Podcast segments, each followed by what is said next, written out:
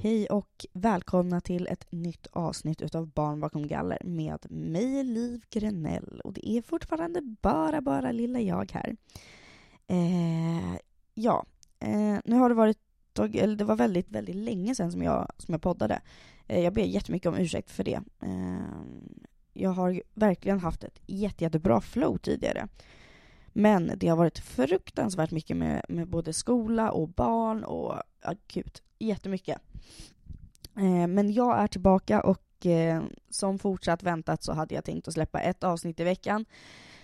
Och jag har nu planerat detta att bli torsdagar. Eh, idag tror jag att, jag tror att det här avsnittet kan komma upp, ut eh, på en onsdag. Men fram, framöver, håll koll på torsdagar. Då ska avsnitten komma ut. Eh, ber jättemycket om ursäkt för den fördröjda, det här fördröjda avsnittet kan man säga.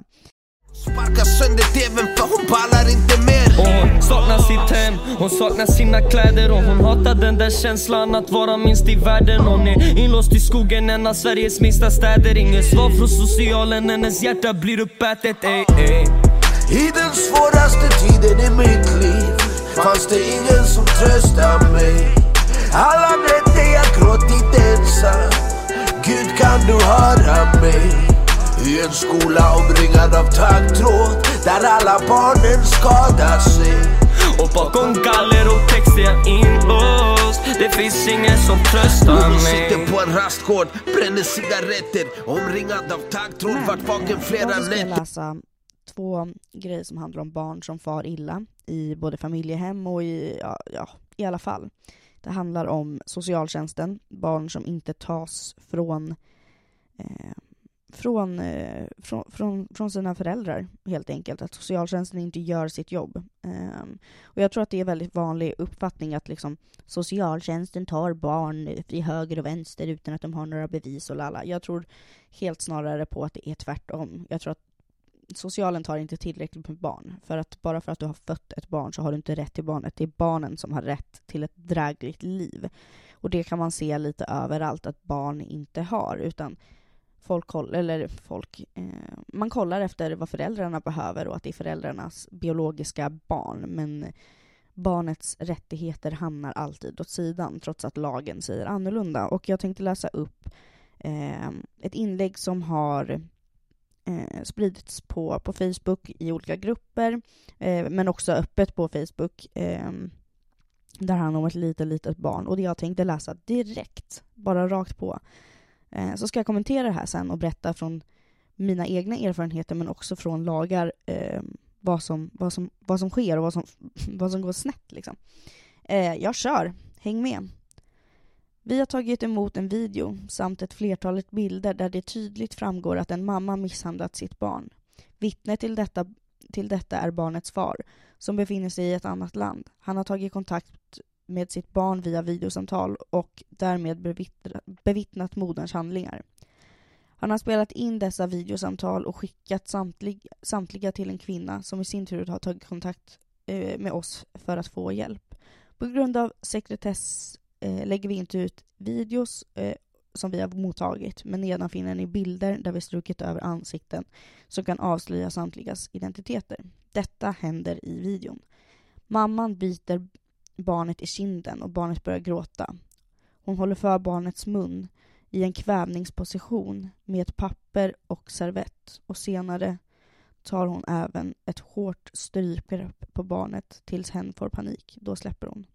Mamman ler medan barnet gråter. Hon biter barnet ännu en gång i kinden för att sedan lägga det i famnen och trösta.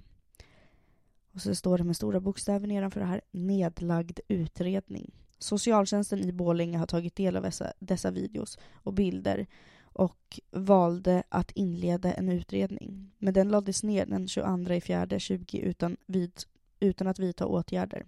Se bild nedan. Två socialsekreterare har fattat detta beslut. Jag har ikväll varit i kontakt med 11, 114 14 som hänvisat mig till polis och kontaktperson i polisens egna ord. Ett av dessa ärenden. Denna person är tillbaka på måndag. Det räcker nu. Varför vägrar myndigheter agera för barnens skull? Hur kan man bevittna detta utan att vilja ingripa? Det är inte första gången detta barn far illa. Mitt hjärta går i tusen bitar. Våga agera. Våga stå upp och säga att det här inte är okej. Hur tänkte ni här? Socialtjänsten, Borlänge. Och sen finns det fruktansvärda bilder och det här barnet, det är inte med, det är, det är inte ens ett år gammalt alltså. Max ett år. Herregud. Och hon verkligen, jag, när jag säger att hon håller upp barnet i skryp, strypgrepp, då har hon ett barn på halsen, eller ett hand på halsen och en hand i nacken. Och bär barnet i luften. Och hon biter hårt i barnets kind. Och håller för barnets mun. Alltså, oh my god. Oh my god. Det som är, det jag vet när det kommer in såna här allvarliga anmälningar, det är att eh, socialtjänsten har rätt att vidta åtgärder med om det är parag paragraf 6 eller 11 och det betyder ett omedelbart omhändertagande. Ehm, och då vet jag inte, om det, jag tror att det kan vara 14 dagar efter så måste de ha tillräckligt med underlag för att fortsätta ha den här eh, nej, nej, 14 dagar är det inte, förlåt mig, fyra månader. Fyra månader har socialtjänsten på sig eh, att, att eh, ja, alltså göra nu, eller vad man ska säga, göra, göra klart utredningen för att sen lägga upp eh, eh, till tingsrätten eh, underlag för att det här tror vi är barnens bästa, la la la la la la. Eh, de har alltså lagt ner den här utredningen på några dagar, verkar det som. Trots att det här barnet blir misshandlat utav sin mamma. Misshandlat. Eh, och det är helt jävla sinnes... Sjukt. Eh, jag, jag, vet, jag, jag, jag, det är så svårt för mig också att känna så att jag förstår. Ja, men handläggarna kanske tänkte så här eller hon kanske hade den här anledningen. Men det finns ingen anledning. Det finns ingenting. Sen kan det också vara så att den här mamman kanske är kompis med någon där. högt uppsatta vänner eller jag vet inte. Jag, jag, jag, kan verkligen inte förstå det här agerandet. Det är så fruktansvärt jäkla konstigt. Och jag blir, jag blir arg och jag får ont i mitt hjärta så att jag vill gråta. Och bara tänka så här, men om någon skulle göra så här mot mina barn. Men då skulle jag ju döda de människorna. Och jag, jag skulle kunna döda den här mamman som gör det här mot barnen. Okej, jag, kan inte, jag sitter inte och hotar här, utan jag förklarar bara mina känslor. Vad min eh, moders instinkt säger åt mig att göra. Och det, jag vill bara ta alla barn som far illa på grund av vuxna eller andra, ja eller vuxna, sorry, det är bara vuxna. Barn som far illa, jag vill bara ta dem alla i mina armar och bara välkomna dem in i, mitt, i, min, i min lägenhet och bara ni är safe nu, ni kan vara här. Det är ingen fara, ingen kommer skada er mer. Ja, det är det jag vill göra. Jag får så ont i mitt hjärta. Um, ja, och det andra eh, som jag vill läsa upp, det kan vara så att typ ingen har missat det här, men jag vill ändå, jag har faktiskt aldrig läst hela den här eh, grejen för att jag jag, jag klarar typ inte av det. Jag blir... Jag, jag kan inte förklara mina känslor angående det här eh, överhuvudtaget utan att jag känner att det här hade kunnat vara jag också. Eh, det hade kunnat vara mina småsyskon också. Eh, och när jag kollar på det här, den här lilla flickan jag pratar om, lilla hjärtat, så smälter mitt hjärta. Hon är så fruktansvärt söt och livfull och glad. Eh, och det gör så ont i mig eh, att veta vad som har hänt med henne. Och för er som inte vet det så har, kan ni också söka på Lilla hjärtat. Ehm, det är eh, en jättetragisk historia och jag tänker börja läsa direkt istället eftersom att jag inte vet exakt så mycket. Lilla hjärtat låg död i hemmet i flera dagar. Den treåriga flickan, känd som Lilla hjärtat, hittades... Ja, vänta, förlåt, nu läste jag fel. Eh, socialtjänstens nya utredning efter att den treåriga flickan, känd som Lilla hjärtat, hittades död i Norrköping avslöjar nya skrämmande fakta om flickans sista tid efter att hon tvingats flytta hem till sina biologiska föräldrar. Efter vinsten i kammarrätten fortsätter de att missbruka droger och isolerade flickan, trots att flera hembes hembesök från socialtjänsten avbokades av föräldrarna. Enligt utredningen lät föräldrarna flickan ligga död i hemmet i flera dagar innan hon hittades av polis. I slutet av januari hittades den treåriga flickan död hemma hos sin, sina biologiska föräldrar i Norrköping. Föräldrarna häktades mot sitt nekande för grovt vållande till annans död, men pappan har senare hittats död i sin cell i häktet. Veckan efter att flickan hittades död uppmärksammade jag kammarrättens beslut som tvingade flickan att lämna ett tryggt familjehem för att flytta hem till sina biologiska föräldrar. De hade tidigare ansetts vara farliga för henne. Mm, jag ska se. Ehm, den lilla flickan, flickans fostermamma, Melinda Jacobs, har nu satt fokus på det orimliga beslutet som inte tog hänsyn till barnets bästa. Hennes modiga och starka berättelser har väckt reaktioner. Jag är helt slut nu, men det var det här jag ville uppnå. Nu kan inte politikerna backa. Nu kommer det bli en förändring, säger Melinda Jacobs idag. Lilla hjärta tvingades efter domen i kammarrätten att flytta hem till sina biologiska föräldrar i april förra året. Socialtjänstens fortsatta utredning av familje, familjen som sam, sammanställts efter att flickan hittades död visar att hon levt isolerad och utsatt för att föräldrarna fortsatt miss, missbruka droger. Eh, då ska vi se. Socialtjänsten i Norrköping avslöjar ett hembesök med föräldrarna var, var planerat till dagen före flickan hittades död av polis. Bakgrunden var oron för att flickan var i en utsatt situation. Men hennes pappa avbokade mötet och hävdade att han var sjuk. Enligt socialtjänstens uppgifter var flickan då redan död. Hon ska ha dött i bostaden några dagar innan hon hittades av polisen, enligt socialtjänsten. Psykisk ohälsa och missbruk var två skäl till att Lilla Hjärtas placerades i familjehem efter att hon föddes och hennes föräldrar vägrade att lämna drogtester för att bevisa att de har slutat missbruka. Kammarrätten trodde ändå att de slutat missbruka och att det var ett skäl till att flickan inte längre behövde skyddas från sina biologiska föräldrar. Det visar sig nu vara fel. Föräldrarna har systematiskt vägrat lämna urinprover för att, visa, för att påvisa drogfrihet, enligt socialtjänsten. När de greps av polis efter att flickan hittades död var de påverkade av ett flertal droger enligt socialtjänsten. Flera orosanmälningar har kommit in till socialtjänsten efter lilla flicka, tving, lilla hjärtat, tvingades lämna eller flytta hem i april. En anmälan handlade om att mamman vinglat och upplevts, var, upplevts som väldigt påverkad när hon varit ute. Flickans fostermamma, Melina Jacobs, gjorde en orosanmälan på juldagen men socialtjänsten släppte, Eh, släpptes inte in i hemmet. Socialtjänsten återvände till bostaden på annan dagen i sällskap av polis och situationen upplevdes då inte som den beskrivits i orosanmälningar, står det i den nya utredningen. Efter det ställde pappan in ytterligare ett hembesök. Även personal på barnavårdscentralen BVC har varit oroliga för, att den treåriga eh, för den treåriga flickan efter att hon flyttat hem till sina biologiska föräldrar. Pappan har beskrivit som trött, trött, svettig och blek och flickan ska ha varit understimulerad. Pappan ska också ha blivit upprörd när BVC-personalen frågat om hon inte borde gå på förskolan.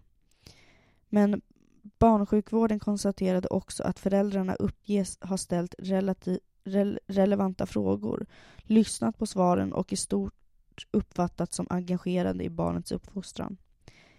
De nya uppgifterna om flickans isolering, missbruk i hemmet och Lilla hjärtats utsatta situation berättar de farhågor som fanns, men som samhället misslyckades med att hantera. När jag berättar för Melina Jacobs om det om det nya som kommer fram i socialtjänstens utredning möts jag av en blandning av sorg och uppgivenhet. Jag är, jag är inte förvånad över det som nu kommit fram. Jag var rädd för, att det här, för det här och har larmat om det, säger Melina Jacobs. Tyvärr visade det sig att samhällets skyddsnät var för ihåligt. Ett litet hjärta fångades inte upp utan föll rakt ner i mörkret. Det får inte hända igen. Åh oh, herregud, alltså mitt lilla, lilla hjärta. Jag känner, alltså, åh oh, herre min gud. Ska vi se, här fanns det en till på, på Dagens Nyheter. Jag ska se här. Eh, eh, eh. Det finns ju väldigt mycket mer information. Det här var bara en så från Expressen, det första liksom som, som kom fram. Ehm, nu ska vi se här. Innehåll. Mm mm mm, mm, mm, mm. Jag ska se om jag hittar.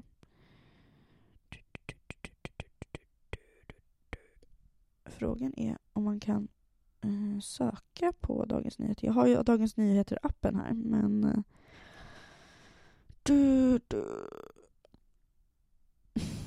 Oj. Bara blåser rakt i micken. Jättehärligt. Eh, då ska vi se. Nu har jag hittat en ny artikel här och det här kom ut 13 mars i år. Och artikeln, alltså vad det nu heter, Lilla hjärtats mamma har släckt, släppts ur häktet. Vad fan är det för fel på Sveriges rättssystem, bara undrar jag. Jag har inte ens lärt artikeln än, men nu kör vi, nu läser jag. Mamman som misstänkt för vållande till annans död efter att hennes treåriga dotter hittats död i Norrköping släpptes under fredagen under, ur häktet. Brottsmisstankarna finns kvar men tingsrätten anser inte att hon kan förstöra utredningen på fri fot. Fallet med, lilla hjärt med, fallet med flickan som kallats Lilla hjärtat och hittades död i slutet av januari har, sträck, har väckt stor oro och uppmärksamhet. Hon placerades i familjehem direkt efter att hon föddes. Hennes biologiska föräldrar ansågs vara en fara för henne och flickan fick en trygg miljö hemma hos fostermamman Melinda Jacobs. En dom i kammarrätten tvingade flickan att flytta hem i april förra året. Melina Jacobs har berättat om en smärtsam period och under flickans tid hos de biologiska föräldrarna gjordes flera oro... Det känns som att jag läst lite där. Bara så att jag inte... Eh, eh, eh, eh, eh ska vi se. Nu ska vi se här då. Mamman överklagade... Eh, för två veckor sedan fick åklagaren ett rättsläkarbesked som gjorde att mamman begärdes häktad för, eh, som misstänkt för mord. Eh, Norrköpings tingsrätt ansåg dock att det bara fanns sannolika skäl för, för att misstänka grovt vållande till annans död.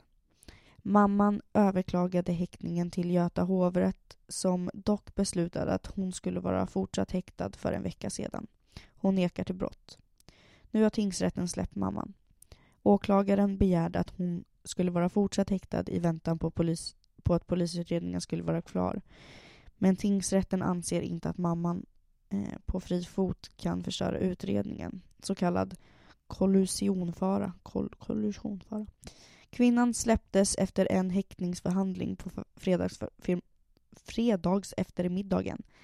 Det gör samma bedömning som vi gjort en längre tid. Att det inte, finns, att det inte längre finns för, för, ja, förlåt mig, jag kan inte ens läsa. Att det inte längre föreligger någon kollusionsfara eh, efter att maken avlidit, säger kvinnans försvarare. Till skillnad från när det handlar om misstankar om mord innebär inte en misstanke om grovt vållande till annans död obligatorisk häktning.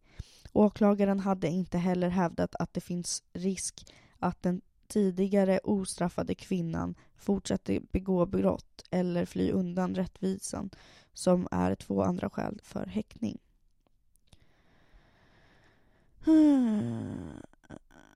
Ja, jag ska se om jag kan hitta någon mer information om det här. Det borde ju finnas relativt mycket, tänker jag. Så, nu har jag hittat, eh, jag läste bara lite grann i början här, lite mer om Esmeralda som hon heter. Eh, och då har jag hittat en sida som heter Ingrid och Maria.se, journalisterna som står på din sida. De har då gjort en analys av hela fallet.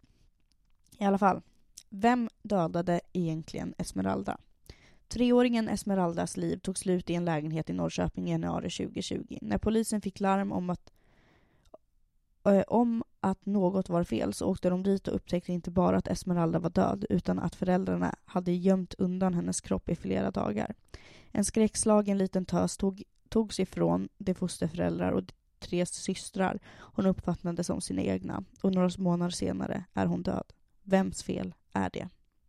Kammarrätten i Jönköping utfärdade i princip hennes dödsdom när de i september 2018 beslutade att lilla Esmeralda skulle tvångsförflyttas hem till sina drogmissbrukande föräldrar. Historien om Esmeralda är plågsam att ta del av. Jag läste som så många andra om hennes död i tidningarna. Men det var först när jag var hos frisören som det blev verkligt. Min frisör hade nämligen Esmeraldas fostermormor som kund och hon berättade för mig hur fosterföräldrarna kämpat för den lilla flickan, men förlorat. Nu har fostermamman Melinda Jacobs trätt fram i Dagens Nyheter och berättat den hjärtskärande historien. I domarna jag har läst fram, framgår det att Esmeralda föddes med abstinensbesvär. Mamman Rebecca hävdar eh, genom hela utredningen att hon inte hade missbrukat något, men att läkare skrivit ut Stesolid till henne. Hon var underviktig vid tiden för Esmeraldas födsel och hon hade inte gått till kontrollerna på mödra, mödrahälsovården. Rebecca och Esmeraldas pappa hade redan förlorat vårdnaden om Esmeraldas storebror och pappan var enligt socialtjänsten helt okontrollerad. Vid deras möten och eh, vid deras möten och har flera gånger dröm, dömts för hot mot tjänsteman. Övergavs på BB. Föräldrarna övergav Esmeralda på BB i april 2016 och snart omhändertogs hon enligt LVU, lagen om vård av unga. By the way, jag har haft LVU sen jag mer eller mindre föddes jag också. Ehm, den nu aktuella utredningen inleddes den 11 april 2016 efter att en anmälan inkommit från kvinnokliniken om att Rebecka inte kommit på planerade uppföljningsbesök under graviditeten. Anmälan inkommer också i samband med förlossningen då Patrik, flickans far, ej vårdnadshavare, är upp, upprörd och hotfull. Han har med sig egenköpt lustgas som han inhalerar eh, inför personal. När verksamhetschef försöker lugna ner honom blir denne hotad. Vakt får tillkalla för att avhysa Patrik. Avdelningen får hållas låst under den tid som Rebecka vårdas där. Rebecka är kvar på BB i nio dagar och erbjuds under denna tid att placeras tillsammans med sitt barn. Rebecka samtycker in inledningsvis till detta men ändrar sig se sedan. När placeringen av flickan ska verkställas har Rebecka redan åkt därifrån och lämnat barnet på, hos personalen på BB. Men redan året innan har socialtjänsten varit involverad i att omhänderta eh, i, i omhändertagande av parets son, kallad A. Utredningen tas upp på nytt under sommaren 2015 efter att ha, upp, efter att ha uppgifter efter, uh, efter att uppgifter inkommit eh, om att A har ett avvikande, bete- avvikande och sexualiserat beteende. Beslut fattas om att A ska placeras hos sina morföräldrar i Ulrikehamn, vilket Rebecka samtycker till. Placeringen avslutas den 19 december 2015. Den 30 december 2015 inkommer Rebecka och Patrik till socialkontoret och redogör för att A har fortsatt med sitt avvikande beteende och att han inte klarar av att ha honom boende hos dem. Eh, vänta lite, vad är det jag har missat här nu? Eh, inkommer Rebecka och Patrik till socialkontoret och redogör att A har fortsatt med sitt avvikande beteende och att de inte klarar av att ha honom boende hos dem. Okej. A placeras i jourhem samma dag med Rebeckas samtycke. När placeringen ska verkställas åker A i socialtjänstens bil tillsammans med Patrik och Rebecka. Patrik är vid detta tillfälle upprörd och arg och måste bli till tillsagd för att inte skrika inför A. När du åker tillbaka i bilen är Patrik mycket arg och skriker åt handläggaren. Situationen är så obehaglig att beslut fattas om att socialsekreterare i fortsättningen inte ska träffa Patrik ensam och att vakt ska närvara vid deras möten. I, so i jourhemmet berättar A att han, är att han är rädd för Patrik och att han har utsatts för bestraffningsmetoder av honom. Som att tvingas sova i en plastpåse. När han får veta att, när han får veta att socialtjänsten har beslutat att han inte behöver träffa Patrik uppfattas han som lättad. lättad. Kallades Lilla hjärtat. I, december, I april 2016 föddes Esmeralda. Personalen döper henne till Lilla hjärtat. Eh, och vid sju veckors ålder kommer hon till familjehemmet i Vadstena där Melinda Jacobs och Lasse Lundberg och deras tre döttrar tar emot henne med stor kärlek. Allt går bra i familjehemmet. Lilla Esmeralda är lika mycket dotter till Melinda och Lasse som deras tre biologiska döttrar. De börjar drömma om att få adoptera henne. Då överklagar Rebecka och, då överklagar Rebecka och är upprörd över att hon inte får träffa flickan så ofta som hon vill. I domen från förvaltningsrätten i Linköping kan vi följa utvecklingen. Via psykiatrin finns uppgifter om att Rebecka uppfyller diagnos diagnoskriterierna för svår depression och ångest. Patrik lider av impulsivitet, ångestattacker, psykosocial belastning och kognitiv nedsättning. Han är beroende av bensodiazepin, alltså benzotabletter. Den 17 maj 2016 ringer Patrik till psykiatriska vuxenmottagningen och begär att få ytterligare medicin förskriven. Han är upprörd och hotar med att slå ihjäl läkaren om denne inte förnyar hans recept. Patrik förekommer under nio punkter i belastningsregistret under åren 1998 till 2015 för bland annat narkotikabrott, hot mot tjänsteman och våldsamt motstånd. Nämnden har också Eh, emottagit uppgifter från polisen i Bålänge om att både Patrik och Rebecka an anhölls den 28 maj 2016. Rebecka släpptes den 30 maj 2016. När de anhölls hade Rebecka fentanylplåster och eh, Xanor på sig. Patrik är nu häktad som sannolika skäl misstänkt för grovt vapenbrott och förberedelse till grov misshandel. Polisen anser att han är farlig. Vid husrannsakan i Rebeckas och Patriks lägenhet hittades cannabis och ett stort antal tabletter. Nämnden har också mottagit information från Rebeckas och Patriks hyresvärd om att paret är vräkta eftersom de har obetalda hyror och det har inkommit störningsanmälningar. Allvarliga missförhållanden. Redan i juni 2016 gör Rebecka ett försök för att få tillbaka Esmeralda. Förvaltningsrätten i Linköping konstaterar det finns allvarliga missförhållanden i barnets hem hemmiljö. Båda föräldrarna lider av psykisk ohälsa samt har en överkonsumtion av tabletter och ett missbruk. Missförhållandena, missförhållandena medför påtaglig risk för barnets hälsa och, utveckling, och utvecklingsskada. Placering kan inte ske på frivillig väg eftersom Rebeckas, samtycke Rebeckas samtycke inte bedöms som tillförlitligt. Esmeralda är i detta läge trygg. Men i april 2017 gör Rebecca ett nytt försök. Hon är missnöjd med att hon bara får träffa sin dotter en och en halv timme var tredje vecka med umgängesstöd och att pappan Patrik inte alls får träffa henne. Patrik har då just kommit ut från fängelset där han har suttit sedan maj 2016 och fram till mars 2017. Socialnämnden förklarar i förvaltningsrätten. Med hänsyn till, Patrik, till att Patrik friges kommer umgängena att, ske, att behöva ske på ett annat sätt än tidigare för att säkerställa Esmeraldas välmående och utveckling och för att skydda familjehemmet. Patrik har i kontakten med socialtjänstens handläggare varit mycket hotfull.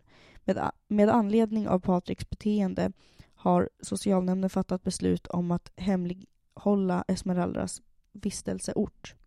Rebecka har inte visat någon förståelse för socialnämndens bedömning av Patriks lämplighet som förälder. Eh, varför svängde hennes ombud? Men vad hände sedan? Hur kom det sig att kammarrätten i Jönköping i september 2018 beslöt att Esmeralda skulle flytta hem till sina drogmissbrukande föräldrar som hon överhuvudtaget inte ens kände? Till en pappa som suttit i fängelse och varit mycket agiterad i alla möten med socialtjänsten och framförallt varför svängde Esmeraldas jur juridiska ombud på några månader? I förvaltningsrätten i maj 2018 var Esmeraldas ombud Martin Bengtsson helt emot att Rebecka och Patrik skulle få vårdnaden om sin dotter. I domen kan vi läsa Han, Martin Bengtsson, har svårt att se föräldrarnas samarbete med socialtjänsten skulle fungera på ett sätt som krävs för att en hemflytt skulle vara möjlig. Han anser därför att LVU-vården av Esmeralda inte bör avslutas och att överklagan överklagandena alltså ska avslås. Fyra månader senare har Martin Bengtsson gjort helt om. I kammarrätten säger han enligt domen han har, in, han har haft flera kontakter med familjehemmet och enligt familjehemsmamman mår Esmeralda bra. Hon har utvecklats och fungerar helt normalt. Esmeralda ser familjen som hennes. Egna, som hennes. Hon går halvtid i förskolan och enligt personalen där verkar hon må bra och vara i fas med sin utveckling. Umgänget med Rebecka var inte så, så bra i början, men det har blivit bättre och bättre. Nu fungerar det bra. De är ensamma vid umgängestillfällena och Esmeralda tycker att det är roligt. Han anser att föräldrarnas förhåll förhållanden har förändrats på ett sådant sätt att det inte längre föreligger någon påtaglig risk för Esmeraldas hälsa och utveckling om hon skulle flytta hem till föräldrarna. Vården ska därför upphöra. I april 2019 tvingades Melinda och Lasse åka med Esmeralda till de biologiska föräldrarna för att skola in henne hos dem. Det går inte att förklara för ett treårigt barn att hon ska ta sig från sin familj.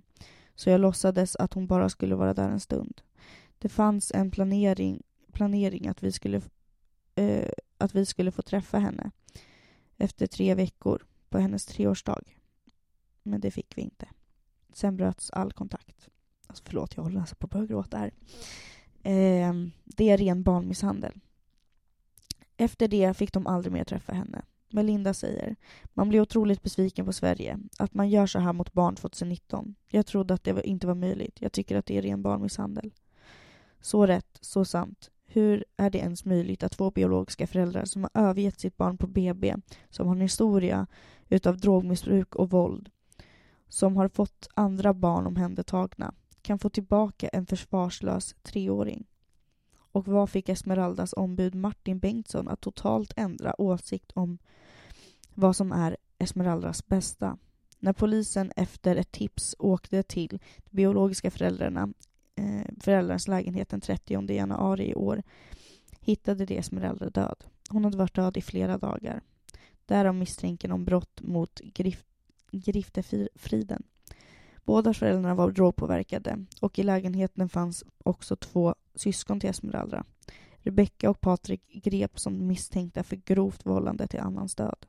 De häktades, men ett par veckor senare hittades Patrik död i sin häktningscell. Dödsorsaken har, in, har inte offentlighetsgjort. Men polisen hävdar att det varken handlar om mord eller självmord.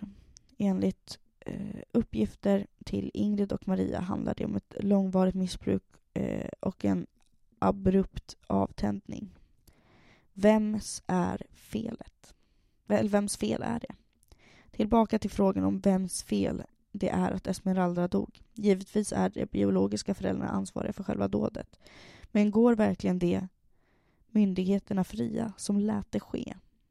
Trots att alla trots alla uppenbara risker. Socialtjänsten gjorde det eh, det de skulle och avrådde bestämt från att ta Esmeralda från fosterhemmet. Huh, eh, förvaltningsrätten i Linköping likaså. Kammarrätten i Jönköping däremot bär en stor del, stor del av skulden. Det var det som bestämde att Esmeraldas liv skulle vändas upp och ner. Det var de i praktiken som dömde henne till döden. Kammarrättsråden Katrin Rosell, ordförande, Jan Kjellman, referent, referent eh, och Linda Svärd samt nämndemännen Anders Byström och Kjell Aldsten har Esmeraldas liv på sina samveten. Men det litade ju på Martin Bengtsson, Esmeraldas juridiska ombud, som av okänd anledning gjorde helt om. På fyra månader ändrade han sig och påstod att Esmeraldas Esmeralda tyckte att det var kul att umgås med sin biologiska mamma och att det därför inte längre förelåg någon påtaglig risk för Esmeraldas hälsa och utveckling om att hon skulle flytta hem till föräldrarna. Som jag ser det bär Martin Bengtsson den största skulden. Han fick betalt för att se till att hans lilla klient fick bästa möjliga omvårdnad och han svek henne och det grövsta. Ingrid och Maria har även sökt Martin Bengtsson för en kommentar, men han har inte svarat. Och herre min jävla gud. Um, och i det här fallet så är det ju inte socialtjänsten som har gjort fel. I det här fallet har vi då Sveriges rättssystem som har gått helt åt helvete. Eh, och grejen är så att det här, absolut att Lilla hjärtat är ett speciellt fall. Men vi kommer ha jättemånga sådana speciella fall om inte, om inte Sveriges lagar och rättssystem börjar lyssna på socialtjänsten. Eh, jag tror att det är jätteviktigt att lyssna på socialtjänsten. Eh, och jag tror att man måste, man måste sluta tänka på föräldrarna. Att de saknar sitt barn, att de tycker att de är bra. Vad är bäst för den här lilla flickan? Alltså oavsett, även om deras, hennes föräldrar hade slutat missbruka, de älskade sin lilla dotter jättemycket, och de kanske hade jobb och allting. Har hon det bättre där än i den här fosterfamiljen där hon har syskon och hon har växt upp, kanske har en stor tomt att springa på? Nej. Hon kommer inte ha det bättre hos hennes biologiska föräldrar. Blod är bara blod. Och det kommer faktiskt från mig som också, jag är uppväxt i, i, i, i fosterfamilj. Eh, och i början av mitt liv så, jag vet, jag vet ju faktiskt inte hur det såg ut riktigt, men jag vet att min mamma sa att det bästa som kunde ha hänt mig var att jag hamnade i familjehem. Eh, för hon var väldigt ung och hon var inte ansvarig nog för att vara en mamma. Och hon var bara, hon var bara 14 år när jag hamnade i hennes mage. Och eh, min biologiska pappa har aldrig tyckt att någonting har varit rätt. Men det kan ju också bevisa, han har inte haft jobb på 40 år. Han är eh, missbrukare, både alkohol och droger. Och eh, han har misshandlat mig, han har varit på andra människor och, och sånt där. Så att där någonstans tror jag att man liksom så här, han säger att allting ni gör är fel, jag ska hem mina barn, la la la la la.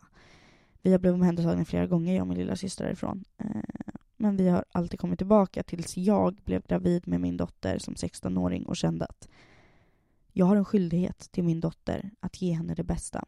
Och det bästa är inte varken för mig eller för henne att jag ens har kontakt med min biologiska pappa, för han är gift. Eh, hade jag bott hos honom, jag tror helt ärligt att jag hade, jag hade inte klarat mig. Eh, jag, tror, jag tror inte att jag hade gjort det. Jag, jag är helt säker. Eh, för våldet som han utsatte mig för sen när jag var äldre, det kunde jag ju ta på ett annat sätt för att jag var typ mellan 12 och, och 16 liksom. Eh, så det, sen så har ju det gett mig jättestora sår i min psykiska hälsa och PTSD och hela grejen. Ehm, men eh, ja, jag kan inte ens tänka mig hur det hade varit om jag hade växt upp hos honom. Och där var det också helt sjukt. Alla stod och skrek. Och det, det kan ni också se i eh, måste tänka. Det är avsnitt, jag tror att det kan vara avsnitt tre, där jag eh, läser upp direkt från, från pappret eh, med alla or, olika orosanmälningar. Eh, jag ska kolla nu så det är helt säkert här vilket avsnitt det kan vara på. Jag pratar lite skånska. Det är så kul med dialekter ändå. Eh, nu ska vi se här. Barn bakom galler. Oh. Där, podcast. Liv Grenell. Yay.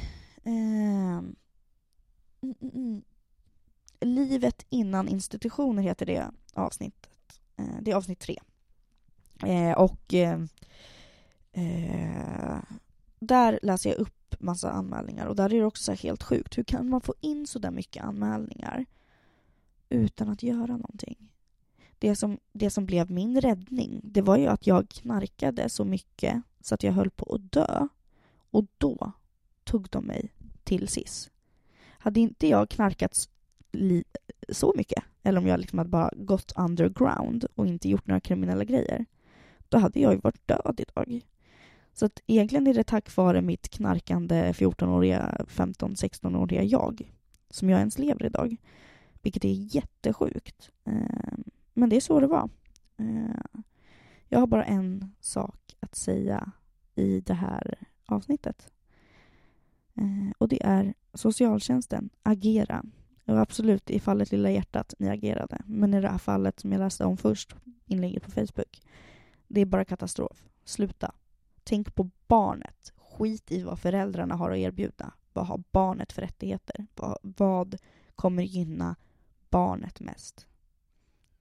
Eh, och Sveriges rättssystem. Dra åt helvete. Helt ärligt. Jag börjar bli så jävla trött på det här.